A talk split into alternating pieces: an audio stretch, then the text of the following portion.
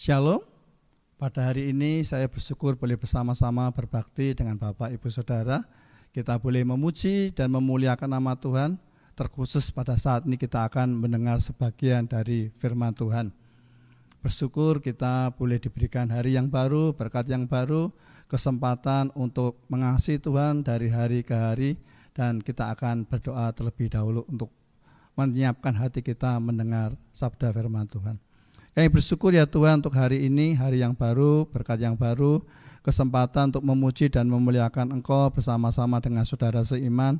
Dan saat ini ya Tuhan kami siap untuk mendengar sebagian dari firman-Mu, biarlah kami boleh menjadi pendengar dan pelaku firman Tuhan, khususnya kami rindu ya Tuhan supaya Injil dapat tersebar, Injil diberitakan dari semua golongan, dari semua kalangan ya Tuhan, dan kami rindu melalui diri kami ada banyak orang yang mendengar, ada banyak orang yang percaya dan banyak orang dibaptiskan.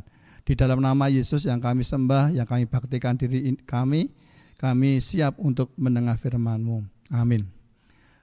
Bapak Ibu Saudara, mari kita akan bersama-sama belajar tentang Injil bagi semua kalangan. Injil bagi semua kalangan. Kita akan bersama-sama membaca di dalam kisah para rasul pasal yang ke-8 ayat 35 sampai dengan yang ke-40. Kisah para rasul 8 ayat 35 sampai dengan yang ke-40. Maka mulailah Filipus berbicara dan bertorak dari nas itu. Ia memberitakan Injil Yesus kepadanya. Mereka melanjutkan perjalanan mereka dan tiba di suatu tempat yang ada air Lalu kata sida-sida itu, lihat di situ ada air. Apakah halangannya jika aku dibaptis? Saud Filipus, jika Tuhan percaya dengan segenap hati, boleh. Jawabnya, aku percaya bahwa Yesus Kristus adalah anak Allah. Lalu orang Ethiopia itu menyuruh menghentikan kereta itu dan keduanya turun ke dalam air. Baik Filipus maupun sida-sida itu dan Filipus membaptis dia.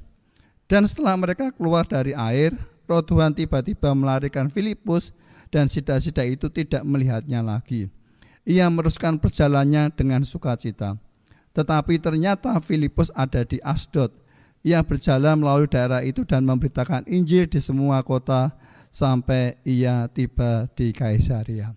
Puji Tuhan kita boleh belajar, kita boleh meladani dari Filipus, murid Tuhan Yesus yang sangat setia, sangat mengasihi Tuhan karena dia mau dipakai Tuhan untuk memberitakan Injil. Bapak Ibu Saudara, mari kita akan lihat bersama-sama bagaimana saat ini kita mengalami ada banyak kendala di mana orang-orang pada waktu itu adalah orang-orang yang setia setelah Yesus naik ke surga memberikan perintah kepada para muridnya memberitakan Injil dan kalau kita lihat di kisah Rasul 1 supaya orang-orang pada waktu itu menjadi saksi di Yerusalem, di Yudea, di Samaria sampai ke ujung bumi. Tetapi di abad ke-21 ini kita banyak mengalami gangguan, ada banyak tantangan untuk kita memberitakan Injil. Saat ini kita sedang mengalami krisis di dalam penginjilan. Ada banyak orang yang tidak mau memberitakan Injil dengan berbagai alasan karena dilarang karena ada peraturan yang tidak boleh mengkristenisasi bahkan juga mungkin dengan alasan-alasan orang lain sudah beragama dan alasan-alasan yang lain. Belum lagi ada perdebatan teologis bahwa e, pemberitaan Injil hanya untuk para rasul saja, bukan tugas kita, hanya tugas hamba Tuhan, para guru Injil, penginjil, utusan Injil, dan seterusnya. Bapak Ibu Saudara, hanya 5% saja orang yang memberitakan Injil dari satu buku yang saya baca. Jadi yang lainnya hampir tidak pernah memberitakan Injil. Bahkan ada juga orang-orang yang fokus hanya kepada sukunya sendiri, bukan menjangkau suku-suku yang lain, apalagi suku-suku yang terabai Padahal di dunia ini hampir ada 7.000 suku yang belum mendengar Injil, di Indonesia masih ada ratusan orang tidak mau mengadopsi di dalam doa, di dalam daya, bahkan di dalam dana. Banyak orang yang berfokus hanya untuk membangun gerejanya, untuk program-program gereja tersendiri, tetapi tidak mau peduli dengan suku-suku yang lain. Dan banyak orang yang terkadang hanya menginjili kepada orang-orang yang sederajat atau yang lebih rendah. Mereka kurang berani atau mungkin kurang fokus kepada orang-orang yang lebih kaya, lebih tinggi pendidikannya, orang-orang terkenal dan sebagainya. Tetapi bersyukur melalui topik yang kita pelajari pada hari ini, Injil bagi semua kalangan dan saya sangat respect dengan GKA yang tiap tahun mengadakan bulan misi sehingga saya berdoa tiap jemaatnya bukan hanya menjadi pendengar banyak pengetahuan tentang misi, tentang penginjilan tetapi kita semua didorong untuk melakukannya. Jadi kita bersama-sama Bapak Ibu Saudara menyatakan kabar baik, kabar penyelamatan, kabar pengampunan dosa kepada semua kalangan, baik itu orang miskin, orang kaya, orang yang tidak berpendidikan maupun berpendidikan, dari keluarga yang baik ataupun yang tidak baik, justru kita memberitakan Injil kepada semua kalangan. Saudara, kita lihat di sini Filipus telah dipakai Tuhan untuk memenangkan orang-orang Samaria. Kita tahu bahwa orang-orang Yahudi kurang menyukai orang-orang Samaria. Jadi kalau mereka pergi harus melewati Samaria, mereka lebih baik berputar karena mereka tidak mau berjumpa atau menyapa berbicara kepada orang-orang Samaria. Dan setelah itu saudara kita lihat Filipus dipimpin oleh Tuhan melalui malaikatnya untuk memberitakan Injil kepada seorang sida-sida dari Ethiopia.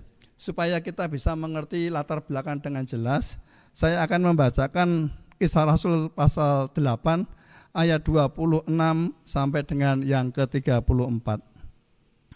Kemudian berkatalah seorang malaikat Tuhan kepada Filipus katanya, Bangunlah dan berangkatlah di sebelah selatan, menurut jalan yang turun dari Yerusalem ke Gaza Jalan itu jalan yang sunyi. Lalu berangkatlah Filipus. Adalah seorang Ethiopia, seorang sida-sida, pembesar dan kepala perbendaraan Sri Kandake, ratu negeri Ethiopia, yang pergi ke Yerusalem untuk beribadah. Sekarang orang itu sedang dalam perjalanan pulang dan duduk dalam keretanya sambil membaca kitab Nabi Yesaya. Lalu kata roh kepada Filipus, pergilah ke situ dan dekatilah kereta itu. Filipus segera ke situ dan mendengar Sida, itu sedang membaca kitab Nabi Yesaya. Kata Filipus, mengertikah Tuhan apa yang Tuhan baca itu? Ayat 31, jawabnya, bagaimana aku dapat mengerti kalau tidak ada yang membimbing aku? Lalu ia meminta Filipus naik dan duduk di sampingnya. Nas yang dibacanya itu berbunyi seperti berikut.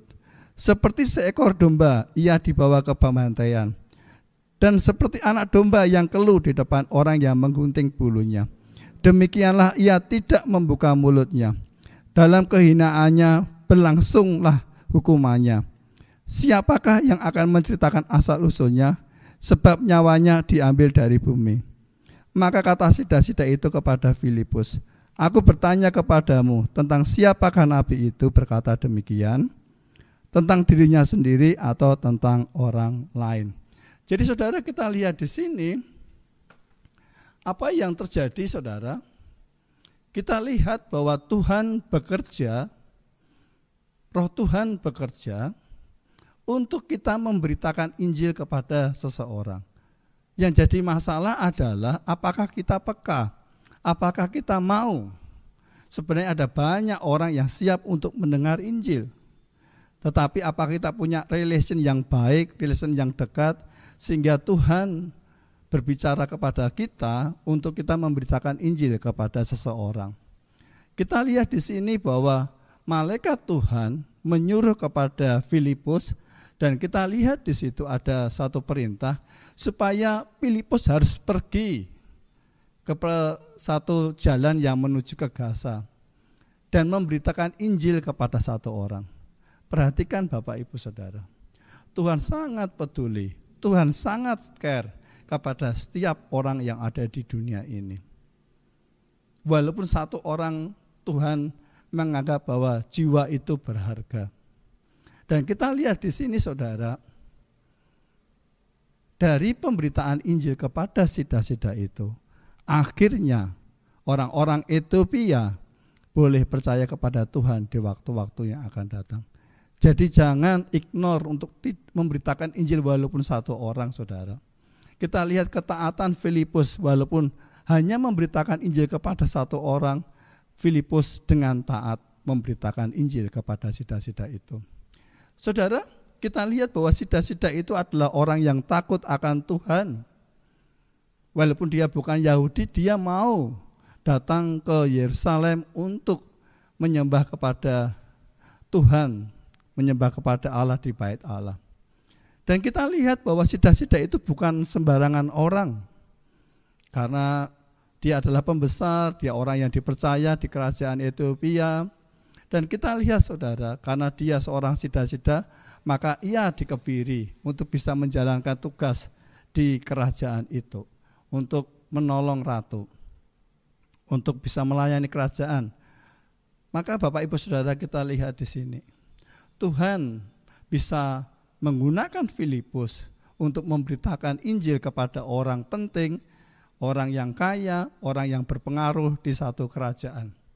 Nah, saudara, karena dia adalah sida-sida, dia orang yang dikebiri, maka dia tidak bisa masuk ke bait suci. Dia tidak bisa bersama-sama beribadah dengan jemaat yang lain. Kita lihat di ulangan pasal 23 ayat yang pertama, orang yang hancur buah pelirnya atau yang terpotong kemaluannya, janganlah masuk jemaah Tuhan di dalam ulangan pasal 23 ayat 1.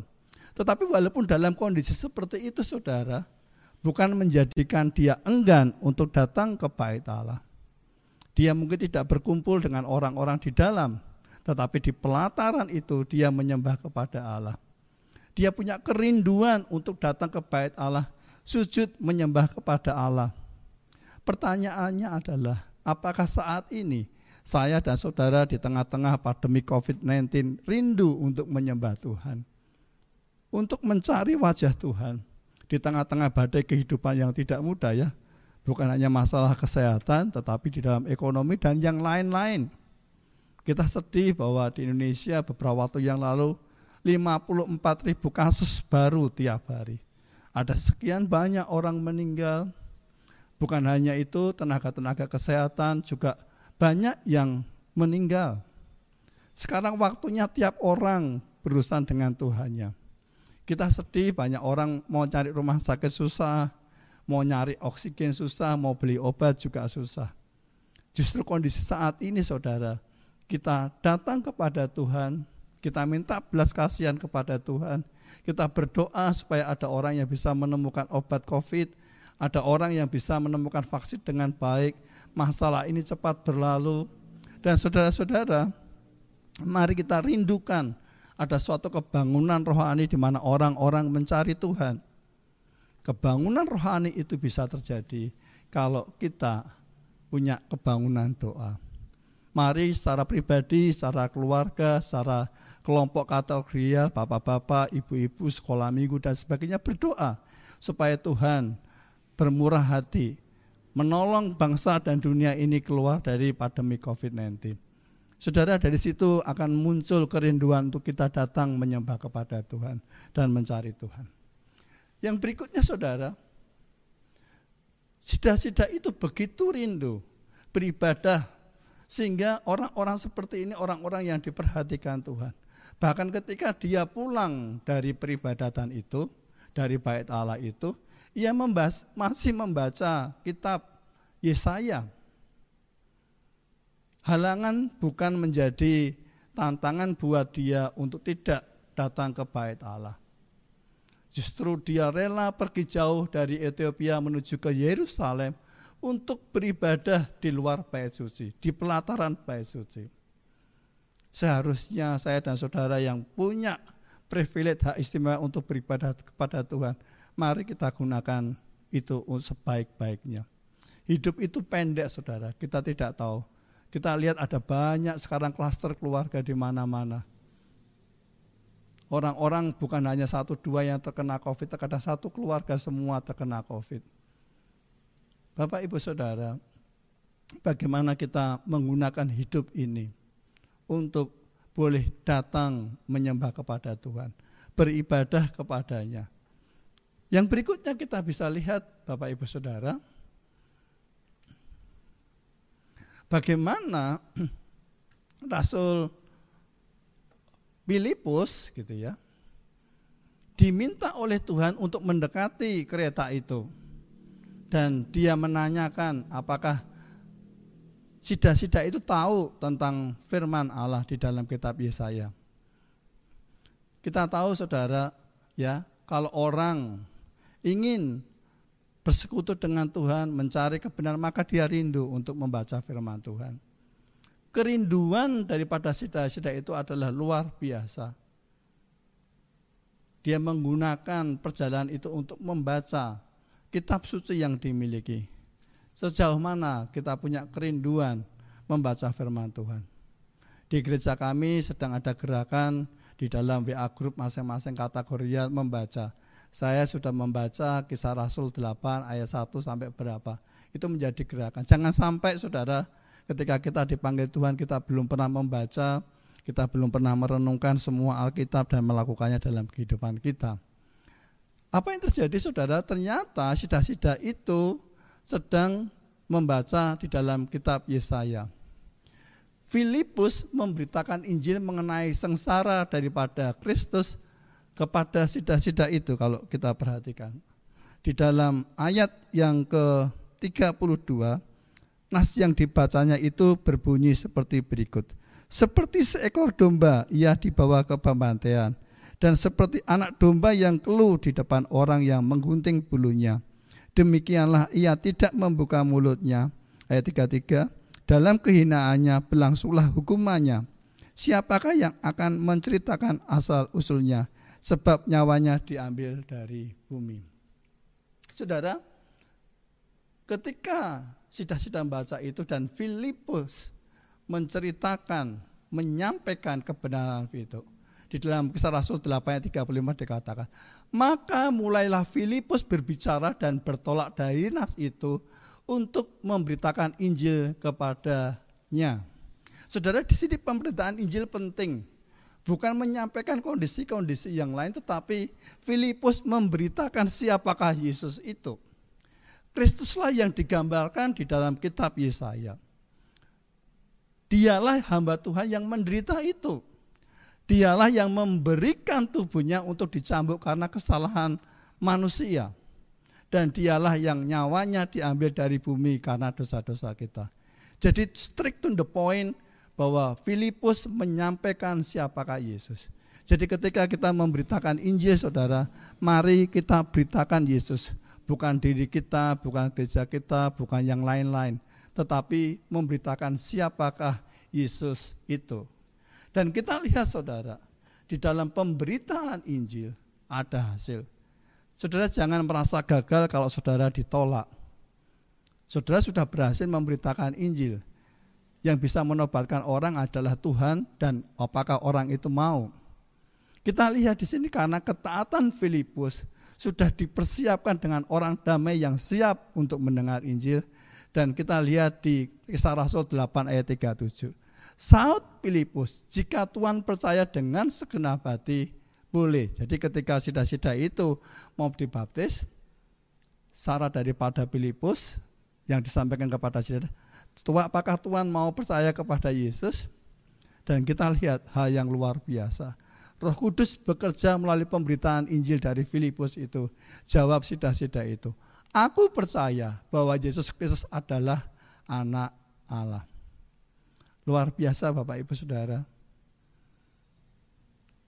Apakah kita rindu untuk memberitakan Injil? Sukacita yang terbesar dalam hidup saya dan saudara adalah ketika kita menerima Yesus sebagai Tuhan dan Juru Selamat.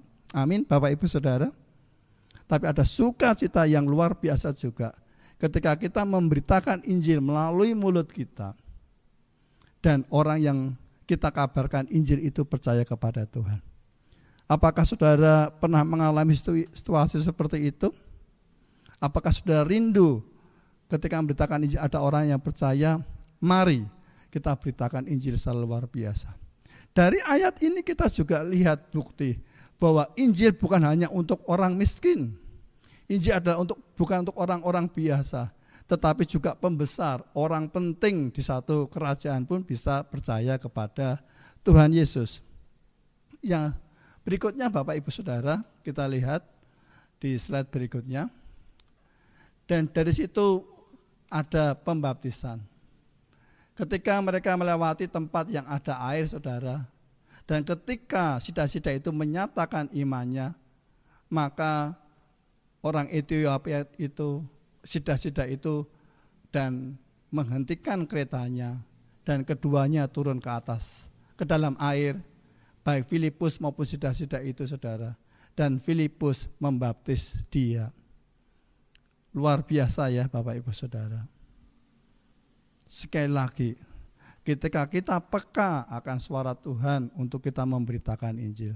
Ketika kita mau taat untuk melakukan perintah Tuhan Yesus. Dan kita lihat bukan hanya kekuatan kita, kemampuan kita, roh Allah bekerja. Dan orang yang siap mendengar Injil itu bisa percaya, mengaku Yesus sebagai Tuhan dan Juru Selamat. Dan kita lihat hasilnya orang itu pun dibaptis. Bapak Ibu Saudara, sebagai bagian kesimpulan. Filipus memberitakan Injil kepada orang-orang Samaria, orang yang tidak dianggap oleh orang-orang Yahudi. Demikian juga kita lihat Filipus memberitakan Injil kepada sida-sida, orang yang tidak bisa masuk di dalam jemaah, bukan orang Yahudi, dia dari orang Ethiopia. Kita lihat bahwa Allah bukan hanya mengasihi orang-orang Yahudi, tetapi juga orang-orang bukan Yahudi. Kedua orang itu adalah dari kalangan yang tidak dianggap oleh orang-orang Yahudi. Tapi kita lihat di sini, kedua kalangan orang itu dimenangkan bagi Kristus oleh Filipus. Saudara, luar biasa. Apakah Tuhan masih memanggil orang-orang seperti Filipus di zaman ini? Iya. Siapakah orang-orang yang dipanggil untuk memberitakan kabar baik? Kabar pertobatan, kabar pengampunan dosa, kabar sukacita, damai sejahtera di tengah-tengah orang yang putus pengharapan. Banyak orang saat ini hopeless, saudara. Karena kesulitan untuk mendapatkan rezeki, bisnis lagi kolab, ataupun masalah kesehatan, kita bisa memberikan pengharapan di dalam Yesus kita bisa memberikan sukacita di dalam Yesus. Kesempatan saat ini untuk saya dan saudara berdoa kepada Tuhan, Tuhan, kepada siapa saya harus memberitakan Injil? Kepada siapa saya harus memberitakan kabar baik? Kepada siapa saya harus memberikan pengharapan kepada orang-orang yang putus pengharapan? Dan kita bisa memberitakan Injil bagi semua kalangan. Bapak Ibu Saudara, mari sebagai penerapan kita lihat. Bapak Ibu Saudara, mari kita memberitakan Injil kepada orang-orang yang membutuhkan. Jumlahnya masih puluhan juta orang yang belum mendengar Injil, Saudara. Mereka membutuhkan pertolongan, mereka membutuhkan penghiburan. Didapat dari mana? sumber kesehatan adalah di dalam Yesus. Sumber berkat, sumber penghasilan adalah di dalam Yesus. Karena Yesus adalah pencipta langit dan bumi. Jadi mari kesempatan yang baik saat ini untuk menyatakan siapakah Yesus. Mari kita gunakan kesempatan yang terbuka di mana pun kita berada. Baik di rumah, mungkin lagi di apotek beli obat atau mungkin di rumah sakit, di pekerjaan, di mana pun kesempatan untuk kita bisa memberitakan Injil. Suatu saat saya sedang pulang perjalanan dari Medan mau ke Semarang. Biasanya saya kalau dari Medan bisa aja direct flight dari Medan ke Jakarta atau biasanya eh, Jakarta Medan Semarang atau Jakarta Batam Semarang. Tapi pada waktu itu Bapak Ibu Saudara, flight saya adalah dari Medan, Padang, Jakarta ke Semarang. Ketika di sebelah saya ada orang dari Sumatera Barat. Bagaimana saya harus memberitakan Injil? Dan saya berdoa kepada Tuhan. Tuhan memberikan hikmat kepada saya. Apa yang terjadi saudara saya tanya, Bapak, apakah rumah Bapak dekat dengan gereja? Wah, terkadang nggak mudah ya untuk memberitakan Injil kepada orang saudara kita, apalagi dari provinsi itu. Dan apa yang terjadi saudara? Orang itu berkata, oh apakah mas orang Kristen? Apakah yang salibnya ada Tuhan Yesusnya atau tidak? Saya jawab, tidak, yang salibnya tidak ada Tuhan. Oh berarti mas orang Kristen. Dan kami meneruskan pembicaraan. Beberapa waktu yang lalu ketika saya mengajar di satu STT Surabaya, hampir tiap minggu saya pulang eh, terbang dari Semarang Surabaya gitu ketika penerbangan terakhir dari Semarang ke Surabaya, saya ketemu dengan satu ibu. Dan ibu itu ternyata sudah berjalan dari Surabaya mau ke Jakarta. Dan apa yang terjadi saudara? Ternyata sudah menempuh karena itu habis hari raya 25 jam ketika dari Surabaya ke Semarang mendengar bapaknya sakit dan ketika di Pakalongan mendengar bapaknya meninggal jadi dia harus balik ke Semarang naik pesawat walaupun tengah-tengah capek dan sebagai kesempatan untuk saya memberitakan kabar baik kepada orang itu. Jadi Bapak Ibu Saudara, ada banyak cerita-cerita tentang pemberitaan Injil yang saya alami ketika saya minta kepada Tuhan. Tuhan pertemukan saya dengan siap orang yang mendengar Injil. Jadi saudara mari kita terbuka kepada roh kudus ketika kita di anak di mana pun untuk roh kudus menggerakkan kita menemukan orang yang siap mendengar Injil. Dan kita bisa minta Roh Kudus menuntun kita memberitakan Injil kepada keluarga. Mungkin ada keluarga yang belum percaya kepada Tuhan atau mungkin sedang mengalami kesusahan, sakit, penyakit dan sebagainya. Kita bisa memberitakan kabar baik. Demikian juga kepada kawan atau kenalan yang baru kita uh, temui saudara. Dan bukan hanya itu, bukan hanya dari satu golongan, satu ras yang sama dengan kita, tetapi dari semua suku, kaum, dan kalangan yang siap untuk mendengar Injil. Bapak, ibu, saudara, mari kita berdoa bersama-sama untuk kita boleh memberitakan Injil kepada Tuhan. Kita akan berdoa bersama-sama. Tuhan, kami bersyukur pada hari ini kami boleh mendengar tentang Injil buat semua kalangan. Kalau Tuhan memakai Filipus dengan cara yang luar biasa, ketika Filipus taat ya Tuhan, Tuhan bekerja, orang yang siap mendengar Injil sida-sida itu boleh percaya kepada engkau dan dibaptiskan. Dan Filipus mengalami suatu mujizat yang luar biasa. Roh Kudus membawa dia ke tempat lain dan dia tetap setia ya Tuhan memberitakan Injil ke daerah-daerah yang lain bahkan sampai Kaisaria ya Tuhan. Tuhan kami berdoa supaya Engkau juga memakai kami dalam memberitakan Injil. Engkau memberikan hati yang taat supaya kami di mana pun boleh menyampaikan kabar baik, ditemukan dengan orang-orang yang siap mendengar Injil, baik itu di keluarga kami, di kawan kami maupun kenalan kami. Siapa pun mereka ya Tuhan, orang miskin, orang kaya, orang terpelajar atau tidak dari berbagai uh, kaum, suku dan sebagainya ya Tuhan. Kami rindu melalui diri kami, kami boleh menyampaikan kabar baik dan ada banyak orang yang mendengar, percaya dan dibaptiskan. Hamba berdoa untuk gereja ini ya Tuhan berkati gembala sidang, berkati hamba-hamba Tuhan, pelayan-pelayan, para majelis dan semua jemaat Tuhan akan berkati. Dan biarlah tiap tahun melalui bulan misi gereja ini boleh semakin digerakkan, semakin demotivasi ya Tuhan.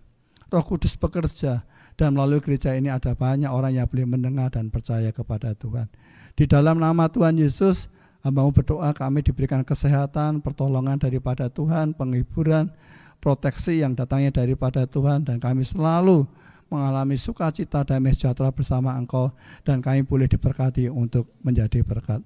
Dalam nama Yesus Sang Pemberi Firman kami telah berdoa. Amin. Tuhan memberkati.